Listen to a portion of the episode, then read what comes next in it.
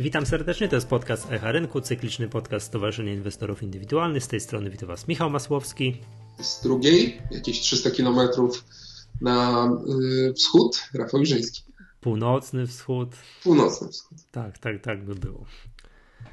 Dobrze. Rafale, co tam na giełdzie? Korekta. Korekta, korekta, korekta. Korekta odczuwalna tak po prawie po całości, bo oprócz chyba spółek paliwowych, to, no to ewidentnie gdzieś tam wszystko sobie e, spada powolnie. E, to może też troszeczkę dziwić, bo z drugiej strony gdzieś tam mamy jakieś fajne dane dotyczące napływu gotówki do, do, funduszy. E, może te akcyjne nie radzą sobie tak dobrze jak inne, ale też są beneficjentami in plus. Mm, no ale z drugiej strony mieliśmy e, dużą ofertę Dino, która gdzieś tam pewnie odciągnęła trochę środków z powiem ci, że, powiem ci, że Dino elegancko. Dino elegancko, w sensie tam chyba był debiut na plus 10, skończyło się na chyba plus 11 czy plus 12. Dzisiaj widzę, jest tam parę groszy jeszcze, jeszcze do przodu.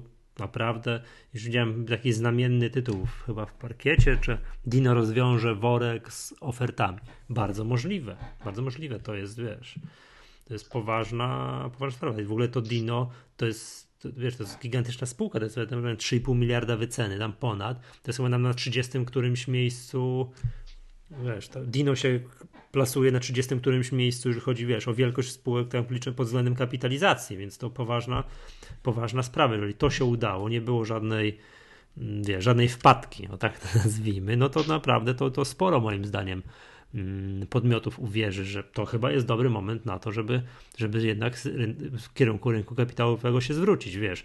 Inwestorzy dopisali, wszyscy dopisali, inwestorzy zarobili, to ważne, zarobili dotychczasowi właściciele. Także tam póki co nie ma przegranych na, na przypadku Dino, nie? To, no właśnie ciekawy, ciekawy jest ten case, bo mamy Hosse, tak, ten, ten WIG 20, NVIG i inne indeksy, no patrząc ostatnie tam 12 miesięcy czy 6 miesięcy, bardzo mocno ładnie podskoczyły. Z drugiej strony większość spółek wychodzi niż wchodzi z giełdy. Mm, środki do funduszy napływają, a właśnie IPO to tak głucho raczej o tym, nie słychać się mhm. o spółkach. Co, tak, jeszcze chciałem zwrócić uwagę na jedną y, przyczynę takiego, wiesz, zatrzymania hossy, takiej niepewności i to być korekty tam z, wyjątk z, wyjątkami, no to jest niepewność polityczna, bo zdaje się, że y, nie śledzę to do końca, ale chyba w najbliższą niedzielę są wybory we Francji. I tam duża, jest duża szansa, że mogą dojść y, jacyś populiści do władzy, którzy będą, wiesz, forsowali tym razem w przypadku Wielkiej Brytanii to był Brexit, Frexit, tak?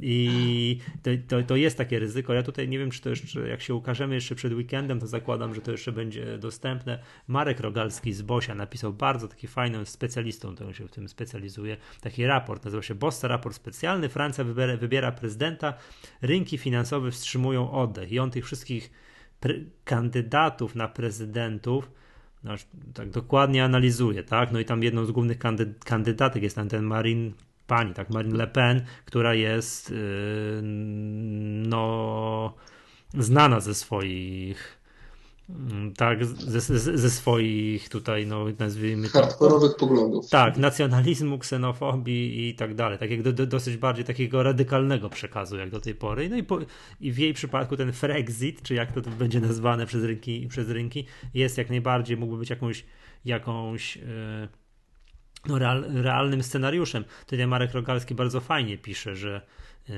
jakby wiesz, jak zareagują rynki finansowe, tak?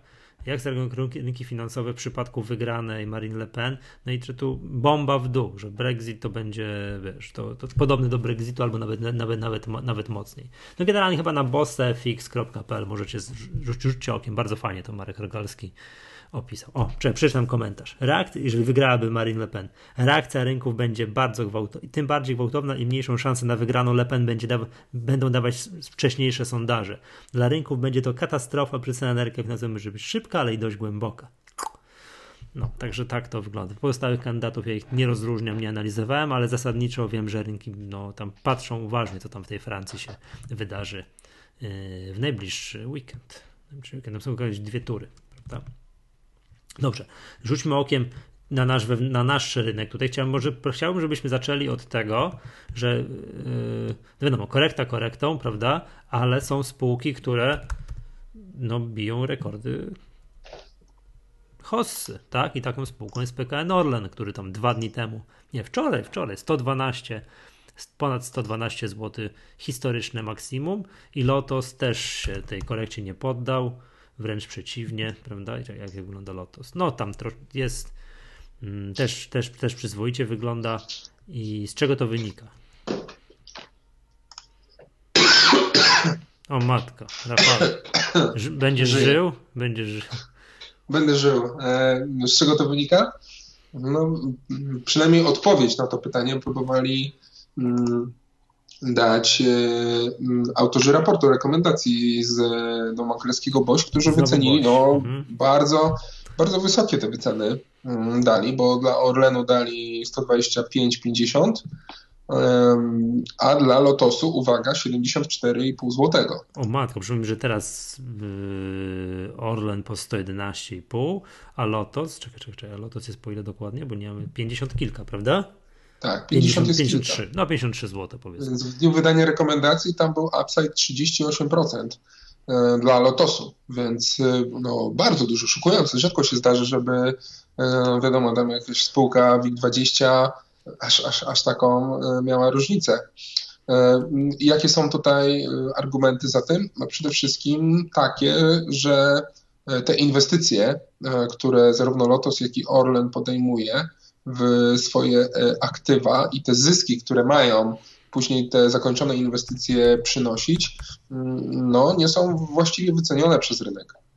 I tutaj Lotos oczywiście projekt EFRA, mhm. a Orlen no to Litwinowa mm, ten projekt y, i generalnie zwiększenie marżowości, y, efektywności, oddanie tych dwóch elektrowni kolejnych, odbudowa wolumenu produkcji petrochemicznej i, i, i, i to są te główne przesłanki. Do tego to, co Lotosowi ma sprzyjać tak chyba najmocniej, obok projektu EFRA, no to walka z mafią, z mafią paliwową, mhm. w ogóle restrukturyzacja tej całej, całych przepisów dotyczących handlu paliwami w Polsce. No wiadomo, jak ja rozmawiam z niektórymi przedstawicielami czy spółkami, które funkcjonują w tej branży, no to oni no, narzekają, narzekają, bo im się cały czas przepisy zmieniają muszą dostosowywać się do nowych obowiązków. Więc wiadomo, mniejsza strefa paliwowa, więcej handlu idzie wtedy, więcej popytu właśnie do takich e, lotosów czy, czy Orlenów. Ale, ale lokalni dystrybutorzy, czyli właśnie Orlen i Lotos są jakby beneficjentami tych zmian przepisów, bo to, żebym ja dobrze rozumiał, kiedyś było tak, że, kupo, że kupowałeś coś, czy to telefony komórkowe, czy sprzęt elektroniczny, czy paliwo w cenie netto i sprzedawałeś za granicę w cenie netto. Ani tu i tu nie, tego VAT-u przy kupnie nie, nie, nie wiesz, że kupowałeś tam nie odprowadzałeś VAT-u i później nie, nie odliczałeś tego VAT-u i koniec. Tak, co prowadziło do czegoś takiego, że ktoś kupował cenie netto, a te paliwo dziwnym trafem zostawało w Polsce. Tak? Wiesz, VAT VAT-em. A teraz ma zostać zmienione to tak, że jeżeli tak robisz, to musisz na początku ten VAT zapłacić, a później możesz się ubiegać o zwrot tego VAT-u tak? Co powoduje jednak to, że jest ukrócenie tej szarej strefy, bo jeżeli ktoś faktycznie tak robi, może tak robić, oczywiście ma ten problem, że musi VAT zapłacić, a później musi, musi o ten, ten VAT ubiegać. To trwa, no i wiadomo, jak to jest z tym urzędami skarbowymi, zwrócą ci albo za tydzień, albo za rok i za tydzień, więc to wszystko się zmienia, ale ale zasadniczo beneficjentami są ci, którzy importują normalnie ropę i sprzedają ją na rynku polskim, tak? ponieważ oni tego zamieszania po prostu nie mają. No to, to, to, to też, ale no już nie wiem, czy ja dobrze rozumiem zwykłym przemycie też. Mówię A. też o zwykłym jakimś tam prze, przemycie. Różnica cen versus, nie wiem, obwód kaliningradzki, wschodnia granica jest, jest, jest bardzo duży. No, myślę, że mm, młode wilki większość z nas oglądało, nie, no więc no to, to i to zakład, że dalej tam coś funkcjonuje z takich, z takich rzeczy na, na, na granicy. E, no wiadomo, że to się może tylko pozytywnie przełożyć na popyt od, od taki wewnętrzny. Takie, że jedny, no mój ulubiony fragment z tego filmu, jak cię złapią za rękę, mów, że to nie twoja ręka. Nie twoja ręka, tak, amen. Dobrze. Nie, wiesz, to, to trzeba się przyglądać tej branży paliwowej, bo to i w ogóle tego typu branżom, które korzystają na tych zmianach podatków z VAT-em, tak? No nie przez przypadek, przez te wszystkie karuzele VAT-owe i te, wiesz, ten import w cenie netto, eksport w cenie netto, że to zostaje teraz ukrócone, że ten VAT musi być w jednym momencie naliczony, a potem, no nie wiem, jak to tam dokładnie działa, tak? Więc czy musisz ten VAT zapłacić, będę ubiegać się o jego zwrot, no kiedyś było przecież tak, że Polska była eksporterem netto telefonów komórkowych. No ja, tak, słynny, przecież, nie? słynny przykład. No to właśnie dlatego, tak? Właśnie, właśnie, właśnie, właśnie, właśnie dlatego. Teraz jak to ma być ukrócone, być może będzie większe zamieszanie, jeżeli chodzi dla tych, dla tych przedsiębiorców. No ale co do zasady, tam ma szansę całą szarą strefę, no, sporą część tej szarej strefy wy, wyeliminować. Dobrze. Tak, no także zamykając temat Orlenu i Lotosu, tam jeszcze oczywiście jest podany ten case, że no, autorzy nie wierzą w drogą, w drogą ropę naftową. Mm, żeby te ceny gdzieś tam jakoś podskoczyły mhm. znacznie powyżej czy tam 50 czy 55 dolarów e, za baryłkę, a niższa, niższa cena ropy, no to wiadomo, gdzieś tam na marżach się to zazwyczaj bardziej pozytywnie odbija, co właśnie doświadczają Orleny i Lotosy od tam około półtora, dwóch lat. No ale cena ropy przez ostatnie, nie wiem, pół roku, rok jest powiedziałbym dosyć umiarkowanie stabilna. To nie ma mhm. już takich y, bardzo... No na szczęście. Na szczęście, no i tam jest jeszcze oczywiście ten case y, drogiego czy taniego dolara, tak, który no, też to, ma to, to, to, to oczywiście. Dobrze. Chciałem się ciebie zapytać, bo tu widzę wpisali do planu odcinka, co się dzieje na JSW? No ja to jest bardzo ciekawy. Czyli tak jak mieliśmy go regularnie, wiesz, w podcaście, żeśmy omawialiśmy JSW prawie co tydzień, tak jak już daliśmy mu odpocząć. Nasz ciekawości posłucham, co się, co się dzieje w JSW. No tak po tym rajdzie z, tam z 60 na, na 75 zł kilkoma białymi świeczkami, ten opór, który był na 75 zł, no, spowodował reakcję i korektę w dół. To się oczywiście pokryło z wyznaczeniem szczytów na cenie węgla koksowego. Mm, teraz przez kilka ostatnich dni cena węgla koksowego w kontraktach na ten najbliższy miesiąc, na kwiecień, ona, ona dalej gdzieś tam jest bardzo wysoko, mm, ale te kolejne miesiące w drugiej części, w drugim półroczu tego roku, no już gdzieś tam e, dość mocno e, się schodziły te ceny i one gdzieś tam opadły. Mm, dalej jest bardzo duży znak zapytania, jaki będzie benchmark, mm, a co ważniejsze, jakie będą faktyczne ceny uzyskane przez JSW z, z kontrahentami, z odbiorcami w Europie. No bo jak wiadomo, w Europie nic się za bardzo istotnego nie dzieje na, w cenach e, koksu czy stali, więc i nie ma aż takiego, aż takich dużych powodów, przesłanek, żeby sam węgiel koksujący w Europie tak mocno skoczył, więc tu jest ta obawa rynku. E, mieliśmy twardą deklarację Tobiszowskiego, że nie będzie emisji akcji na razie w JSW. Mhm. To jest gdzieś jakaś taka mała petardka, która odpaliła, ale na to rynek nie zareagował, bo to już w większości było e, wycenione w kursie. E, mamy cały czas, pamiętajmy, przecież dla JSW, tak jak dla Orlenu Lotosu, kurs dolara, prawda, jest ważny. Więc ten dolar gdzieś tam już no, zakończył swój rajd górę. On się trochę konsolidował lekko powyżej 4 zł. No a teraz tak jakby gdzieś tam zaczyna gdzieś tam słabnąć e, poniżej tej czwórki. Więc e, tu jest jeszcze takie ryzyko e, dla JSW. Mm, no i tak naprawdę, wiesz, z jednej strony nie ma już takich strasznie dużych argumentów, żeby ten kurs ciągnąć gdzieś tam w górę na 100 czy na 120, jak te ceny znowu gdzieś tam wracają do swojego targetu węgla koksującego. Mm, e, a z drugiej strony, no dalej mamy to wsparcie dla obecnych poziomów, e, że te zyski w JSW na ten rok będą naprawdę, zapowiadają się no, znacznie dużo, dużo, dużo lepiej niż w 2016 roku. Mm, więc no tak powoli remisowo wydaje mi się robi dla popytu i dla podaży. Mhm, Okej, okay. dobrze. Yy, chciałem, jak w ogóle jest wycena naszego portfela? Bo tak w ogóle patrzę, że Brio mhm. minus 2% dzisiaj i tak, no, tak dalej klepie się w okolicach tam między 8 zł a 8,5 zł. PMPG minus 10 dzisiaj. O nie, no minus 6 odbiło. Nie nie wiesz co tam się stało? Bo taka bomba była z samego rana. Od rana, od rana PKC y, było sypanie, 50 tysięcy akcji przeleciało, momentami było 4,50, minus 10%. Teraz jest uspokojenie nagle. Nie wiem, czy ktoś po prostu musiał wrzucić, nie ma żadnego komunikatu. Nic nie wiem, żeby pojawiła się jakaś sprawa nowa sądowa albo jakiś wyrok wobec nietoczących się, które zazwyczaj wprost ostatnio e, powiedzmy, że było ich po ich myśli te, te, te wyroki. Mm, więc no, nie wiem, co, co, co ta, z czego wynika taka reakcja nagła e, podaży. Ale teraz nagle już ustąpiło i zobaczymy, co dalej. E, jak portfel wczoraj sprawdzałem, e, no korekta dosięgnęła, ale tam z, tak jak 35 gdzieś tam mieliśmy te szczyty, to było 33 900. Mhm, okay. Około 3,5%.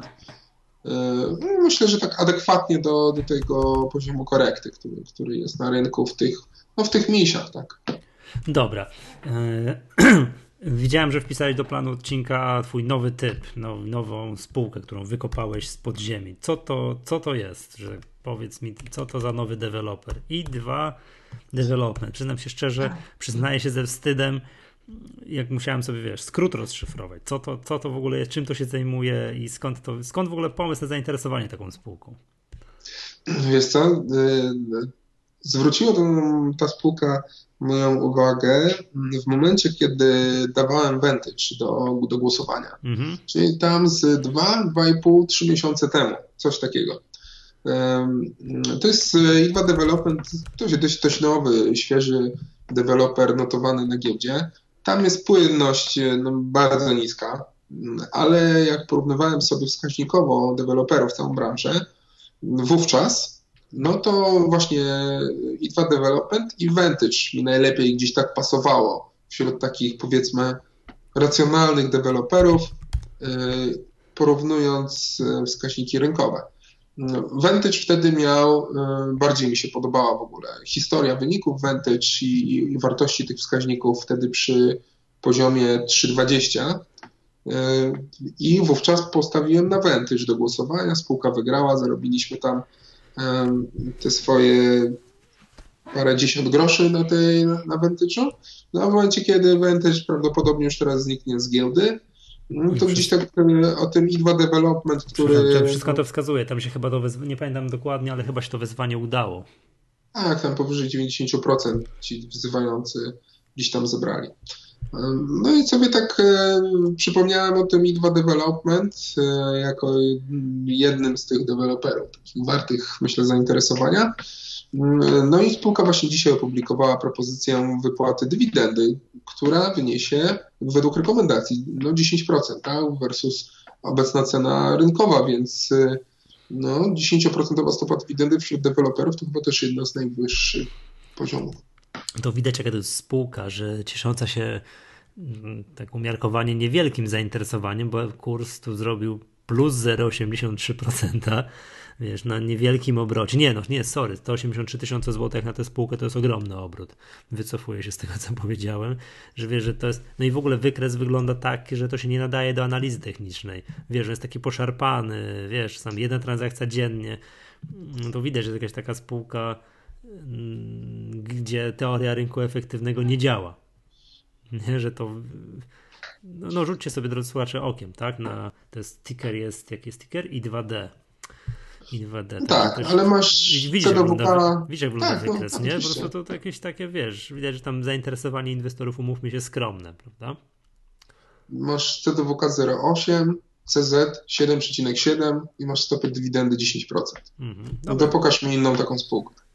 Okej. Okay. No mi się troszeczkę, tak mi się skojarzyło troszeczkę z Idea Bankiem, bo y, prezes Buczek ostatnio wymienił właśnie Idea Bank jako y, jedną ze spółek, która gdzieś tam w sektorze banków y, gdzieś tam podoba im się podoba mu się, no ale ta hostca bankowa nie objęła akurat tej spółki. No to tak właśnie mi się ten I2 Development deweloperów mi się skojarzy. Idea Bank dzisiaj. Trzy transakcje. Łączny obrót 6000 zł. Mhm. No. A kiedyś no pamiętam, i to jest właśnie... Pamiętam, miałem, tak się, nie, nie powiem nazwy, bo to w ogóle już są zamieszłe czasy, się ta spółka na rynku podstawowym nie dobrze sobie radzi, ale kiedyś miałem i kupiono jedną spółkę z New Connectu. E, kupiłem jakieś tam tego i było tak, że moje zlecenie wisiało jako ostatnie wykonana transakcja przez miesiąc. przez miesiąc nie było obrotu. Ja tak usiadłem się tak, co to ja w ogóle zrobiłem? Przecież jak ja bym chciał to sprzedać, nie? No to to w ogóle będzie, prawda? No ale na szczęście już jest i płynność sensowna i, i rynek podstawowy i tak dalej, nie? w przypadku tej spółki. No ale to pamiętam. Dobrze, chciałbym, żebyśmy się pokłócili trochę, ponieważ ostatnio, no to na Twitterze była aktywna wymiana zdań. E, CD Projekt zapowiedział wypłatę dywidendy. No właśnie, ja ile, ile tej twierdzę, dywidendy? że to po prostu śmieszne. No, tam około złotówki wychodzi. Złotówki, a jest kurs powiedzmy sobie 69 zł. Zapowiadali jak było 60 chyba 6 czy coś takiego. Jeden podzielić na dzisiaj 69 daje stopę dywidendy około 1,5%. I ja chciałem powiedzieć, no że i... ja bardzo chciałem pochwalić CD Projekt za, za, za, za, tęże, za tęże decyzję, a ty, a ty w ogóle tu słyszałem, że coś chciałeś ich publicznie obśmiać. Czemuż to? Tak. Już no, 100 e, milionów złotych, tak, bo mniej więcej tam około tyle gotówki wypłynie tak. ze spółki w cashu, co jest w spółkach gamingowych po prostu e, królem i ma służyć do finansowania nowych produkcji, no to wydaje mi się, że właśnie powinno być w ten sposób zagospodarowane. Okej, okay, CD Projekt ma znacznie więcej gotówki niż 100, czy 200, czy 300 milionów złotych. No właśnie. E, ale z drugiej strony e, no, spółka przecież udowodniła w ostatnie lata, że potrafi odpowiednio produkować gry, e, więc no, dlaczego akurat takie środki na dywidendę, a nie właśnie wrzucenie, sfinansowanie kolejnego jakiegoś tam zespołu deweloperów, bazowanie na swoim brandzie, na swoim know-how i tak dalej i pójście w, w, w, inną grę, tym bardziej, że wiadomo, duże gry nie robi się w dwa kwartały, tylko w 3-4 do 5 lat. Więc warto, myślę, te środki zainwestować w zacieśnienie tego kalendarza wydawania nowych gier i nie zostawać tylko z cyberpunkiem mm, gdzieś tam na za dwa lata. Okej, okay, ma ten ta gra karciana wyjść i to ma być jakiś hit, no ale no to róbmy więcej tych hitów, a nie, że te środki po prostu wypłacamy w wysokości takiej, że akcjonariusze, którzy obecnie mogą gdzieś tą złotówkę w przeliczeniu na jedną akcję, no zarobić albo stracić w ciągu intradayowym tak naprawdę. No. no tu policzyli, że prezes Kiciński dostanie jakieś 10 milionów złotych na drobne wydatki. No ale no to, to sobie robi dla siebie, czy woli zbudować wartość akcji i o, jak pójdą te akcje o 2 zł do góry, to zarobi dwa razy tyle niż to Ale, ale to zwracam uwagę na punkt widzenia. Punkt widzenia zależy zawsze od punktu siedzenia i tak dalej. Punkt widzenia jest bardzo dobry z punktu widzenia inwestora, który aktywnie handluje na akcjach. To znaczy, kupuję dzisiaj i jestem, nie wiem, nawet stawiam sobie roczny horyzont inwestycyjny, jestem zainteresowany, tak jak ty powiedziałeś. Niech oni tam zainwestują w jakąś nową produkcję, tak, i niech to pójdzie, nie wiem, kolejne niech, niech 100 milionów nie wiem, wyprodukują, znowu jakiś hit ogłoszą i znowu i kurs akcji skoczy i tak dalej.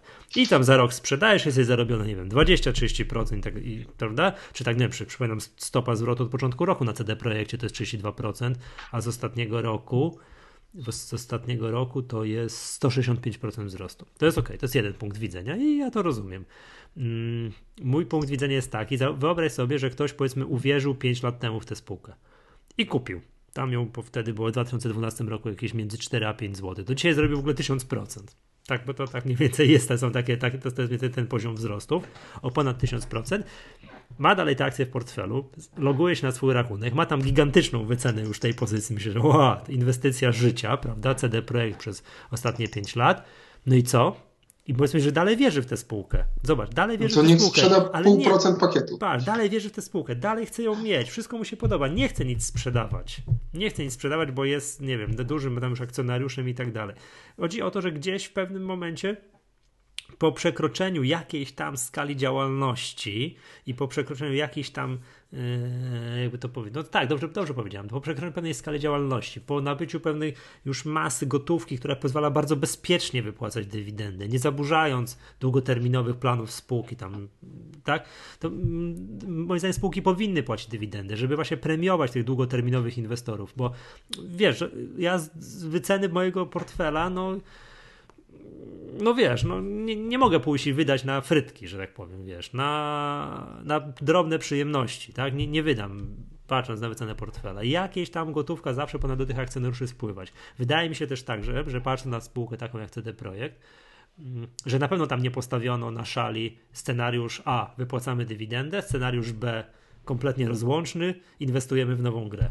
Na pewno nie było takich scenariuszy. Zakładam, że i, i tam yy, zakładam, że zarówno scenariusz A, jak i scenariusz B są w przypadku tej spółki możliwe i, i zasoby gotówkowe to yy, no gwarantują, pozwalają na, na, na, i na wypłatę no to... dywidendy, mhm. i na poszukiwanie, inwestowanie w, no, w nowe gry. Mi się w ogóle wydaje, że taka gigantyczna już korporacja jak CD Projekt, ona musi inwestować w nowe tytuły, bo nigdy nie wiadomo, czy im się przez przypadek noga nie pośliźnie na czwartym Wiedźminie. Tak? Więc oni muszą szukać, wiesz, co chwilę szukać, a zainwestujmy coś tam, a rozwijmy, a tego cyber, cyberpunka, a ten gwint, a coś tam, że tego typu ukrytych projektów, których my nie widzimy, w spółce jest rozwijane na pewno dużo. Tak? I po prostu, nie wiem, raz w roku, raz na dwa lata nagle wychodzi, o, to co wypracowaliśmy jak w garażu przez ostatnie dwa lata nabrało już takich znamion realności, że pokazujemy, pokazujemy światu. Na, na bank, bo i tego to jest tak, jak sobie kiedyś o KGHM rozmawialiśmy, że KGHM to jest taka spółka, która musi cały czas w sposób ciągły poszukiwać nowych złóż na świecie. W sposób ciągły, bo gdzieś wiadomo, jeden sobie się kończą i ciągle tam trzeba poszukiwać nowych i nie mogą zrobić czegoś takiego. Albo wypłacimy dywidendę, albo będziemy poszukiwali nowych złóż. Oni muszą robić i jedno i drugie. To wydaje mi się, że CD Projekt jest taką spółką, że wypłata dywidendy na pewno tego, co ty żądasz, chciałbyś jako akcjonariusz, że niech oni tam lepiej inwestują w nowe gry, że na pewno tego nie zaburzą. Oni tak, oni tak inwestują w nowe gry, a nie oni, dlatego, że oni, bo oni muszą inwestować w nowe tytuły, żeby dywersyfikować się, żeby, wie, żeby ten Wiedźmin nie był takim gigantycznym obciążeniem, tak? To żeby nie było tego case'u no Apple. Wie, wiesz o tym, że Apple ma case iPhone'a, nie? Że spółka z całości stoi na iPhone'ie. Jakby się, by im się omsknął wiesz, kolejny iPhone gdzieś nie udał, no to byłby problem, nie? To tak samo jest w CD Projekcie. Jakby się nie udał kolejny, jak mi się uda kolejny Wiedźmin, to będzie znowu wystrzał, kolejne 100% do góry. Jak im się nie uda kolejny Wiedźmin, no to mógłby być problem. No tak? właśnie i teraz trochę sam sobie zaprzeczasz, bo e, jeśli się tutaj zgadzamy gremialnie, spółka musi inwestować musi, i tak dalej, musi, i tak dalej, na, na to ja jestem, to ja jestem zdania, że oni powinni po prostu dużo inwestować na maksa, a oni w tym momencie poprzez wypłatę dywidendy po prostu zmniejszają skalę inwestycji, które, którym, na ile które mogliby sobie pozwolić. Ile, ile tam kasy jest na koncie? Wiesz co, nie pamiętam dokładnie, tam jest 600-700 baniek? No, no tak stówkę wypłacą, a pozostałe 600-700 baniek będą wypłacać. Ja no wiesz, no to... Postaw się w punkcie, z punktu widzenia inwestora, który 5 lat temu zainwestował w CD Projekt po, no dobrze. po 10 zł. Nie, 5 lat temu no to... było po 5 zł. Jak on ma, wiesz, to, to jest... jak on teraz złotówkę dostanie, to jest bomba, nie? Ale o czym my tutaj rozmawiamy? Złotówka dla niego to intradayowo zarabia to, co on może mieć. Dywidendę to on sobie sam nie, może zrobić. Ale on nie chce sprzedać tej spółki. On nie chce sprzedać spółki. Ale on kto uwierzy... mu każe całość sprzedać? Ale wiesz, to, ale to są inwestorzy, wiesz, on kupił, zajął pozycję, taki inwestor, i on trzyma, ma tych akcji tam ileś, on nie chce sprzedać, on dalej wierzy, że się Wiedźmin czwarty uda. Tak? I tam będzie, będzie dobrze w tej spółce. Dla takiego inwestora długo, wiesz, bo ja się zgadzam, że ktoś dzisiaj kupił CD Projekt po 70 dzisiaj i ktoś mu proponuje złotówka dywidendy, 1,5% stopy, niecałe 1,5% stopy dywidendy, no to jest takie oj, no wygłupy jakieś, nie? To tak jak KGHM wypłaca 1,5 złotego dywidendy przy cenie powyżej 100 zł. Ale nie teraz KGHM zaproponował dywidendy, przepraszam, tak. Chyba, chyba nie ma. Albo chyba jeszcze mniej nawet i tak dalej. Mm, albo może nie ma to zgadzam się, że dla inwestora, który dzisiaj kupi jest 70 zł, po 70 zł i złotówka dywidendy, czy tam, no to, to tak no śmiesznie wygląda, ale dla kogoś, kto kupił 5 lat temu, no to jest stary bajka. Mi się po prostu, mnie to, mnie to w ogóle nie przekonuje. Y, kiedy, kiedy spółki y, wypłacają dywidendy? No, wtedy, kiedy mają gdzieś tam nadmiar gotówki albo mają sztywną politykę dywidendową, albo mają nadpłynność, ale mało tego, no spółka ma nadpłynność, ale też i nie wie wtedy, nie ma na tyle dobrych pomysłów, żeby inwestycyjnych, żeby te środki pomnożyć. Ja jestem zdania, że jeżeli spółki dobrze inwestują, dobrze mają zajebisty o, przepraszam, bardzo dobry tak, pomysł Dobra. na, robienie produktów. Ozna oznaczy, być, tak? oznaczymy, ozna nie, oznaczymy explicit ten odcinek. E, I w tym momencie powinny po prostu całe zdolności gotówkowe po prostu reinwestować, bo z rezinwestycji znacznie szybciej e, wzrośnie wartość całego przedsiębiorstwa. Ale no to ja znam, ale poczekaj, poczekaj. Ja znam większość inwestorów, którym, jakby, którym jakbyś zadał pytanie, bo to jest kwestia pytania w referendum, nie? Też czasami. Jakie? E, jak, jak, jak zadasz po prostu dane pytanie, tak. tak? No to ty zadajesz pytanie, no postaw się w akcjonariuszy, która kupił y, CD Projekt po 5 czy po 10 zł i teraz ma złotówkę dywidendy, ma 20% stopy dywidendy. No jest tak? bomba, nie? A ja zadaję, tak, no to ja mówię tak, fajnie, super. A ja zadaję pytanie, czy jeśli spółka nie wypłaci dywidendy i będziesz miał po prostu te 1,5% w cenach obecnego, obecnej twojej wyceny tego twojego pakietu na rachunku, machniesz na to ręką, a spółka to zainwestuje i za rok czy dwa lata dzięki temu będziesz miał jeszcze 50% więcej warty ten twój pakiet, to co wybierzesz? Te 1,5% teraz, czy szansa, że będziesz miał 50% więcej za 2 czy 3 Ale lata? w przypadku tej spółki akurat obydwa scenariusze mogą być realizowane i zakładam, że są realizowane jednocześnie no to od razu ci powiem, że jeśli zakładamy teraz, że spółka y, dalej fajnie odniesie sukcesy i dalej mhm. będzie wzrastać, no to jakby zostawiła i reinwestowała te 100 baniek na dywidendę, to by większy jeszcze sukces wniosła i jeszcze by byłaby więcej warta za te dwa lata. No I nie i... o 1,5%, nie o 15%, tylko o 30 czy 50%. A to nigdy nie wiadomo, bo to jak dobrze wiemy, branża gamingowa, prezes no to... powiedział, że to, że, że to różnie może być. Ale zobacz, przykład, i nie wiem, to, to też na Twitterze podał, a nie mogę teraz znaleźć, bo to jakoś tak na szybko, że przykład z rynku zachodniego, też producent gier, czyli znowu branża, która wymaga inwestycji, poszukiwania ciągle produkcji nowych tytułów, nowych, nowych, poszukiwania nowych, mm, jakie wiesz, produkcji kolejnych superhitów, Activision Blizzard, czyli gigant. Gigant w tej branży. Ja tu widzę dywidendę. Raz, dwa, trzy, cztery, pięć ostatnich lat wypłacaną, a spółka akup wzrosła w tym czasie o ponad 300%. No fajnie, a co by było, znaczy wiesz, to I przepraszam cię, też... i, stopy dywidendy są niskie. Stopy dywidendy są niskie, bo tu widzę zaczęło się na 2011 1,5%, później złoty, znowu 1,4%, 1,30% i już później poniżej procenta, a ostatnio gdzieś tam w 2017 0,6%, czyli bardzo mało, tak? To jest widzę 30 dolara przy cenie przy cenie akcji 50 dolarów, czyli, czyli bardzo mało, bardzo mało, ale tu znowu ta spółka była warta 5 mm, lat temu poniżej 10 dolarów. No i jest, jest znowu identyczny patent, nie? Też zakładam, że Blizzard regularnie wydaje kasę na nowe gry. No jednak osiągnęli mhm. już, przekroczyli jakiś próg działania, że stać ich na jedno i drugie. No, daję sobie no rękę uciąć, że i Blizzard, i CD Projekt na pewno nie zrobili czegoś takiego. Nie rozwijamy nowych projektów, to troszkę musimy przyhamować, bo trzeba wypłacić dywidendy. To, to jest niemożliwe. To, to nie, nie wyobrażam sobie takiej sytuacji. Jestem za dywidendą. No dobrze, ale to o to chodzi, że po prostu więcej można rozwijać tych projektów. Oczywiście. niż w wersji bazowej. Oczywiście, że tak. Jeszcze więcej. No to co? Wiesz, no, po to, no zobacz, wzrostem kursu akcji akcjonariusze się nie najedzą. No jak to nie? Nie, no mogą sprzedać kawałeczek, ale jak ktoś wierzy w tę spółkę, nie wiem, że nie wiem, analizuje, gra w te gry i już nie no, Wiedźmin 4 to będzie taka petarda, że tam sprzedadzą tego jeszcze znowu dwa razy więcej. Tak? On chce mieć te akcje. A raz na jakiś czas, jak mu spółka jednak wypłaci kawałeczek zysku, który nie wpływa na rozwój Wiedźmina czwartego, Wiedźmina piątego, to się moim zdaniem wielka krzywda nie dzieje, wręcz przeciwnie. Jak to nie wpływa? Wpływa.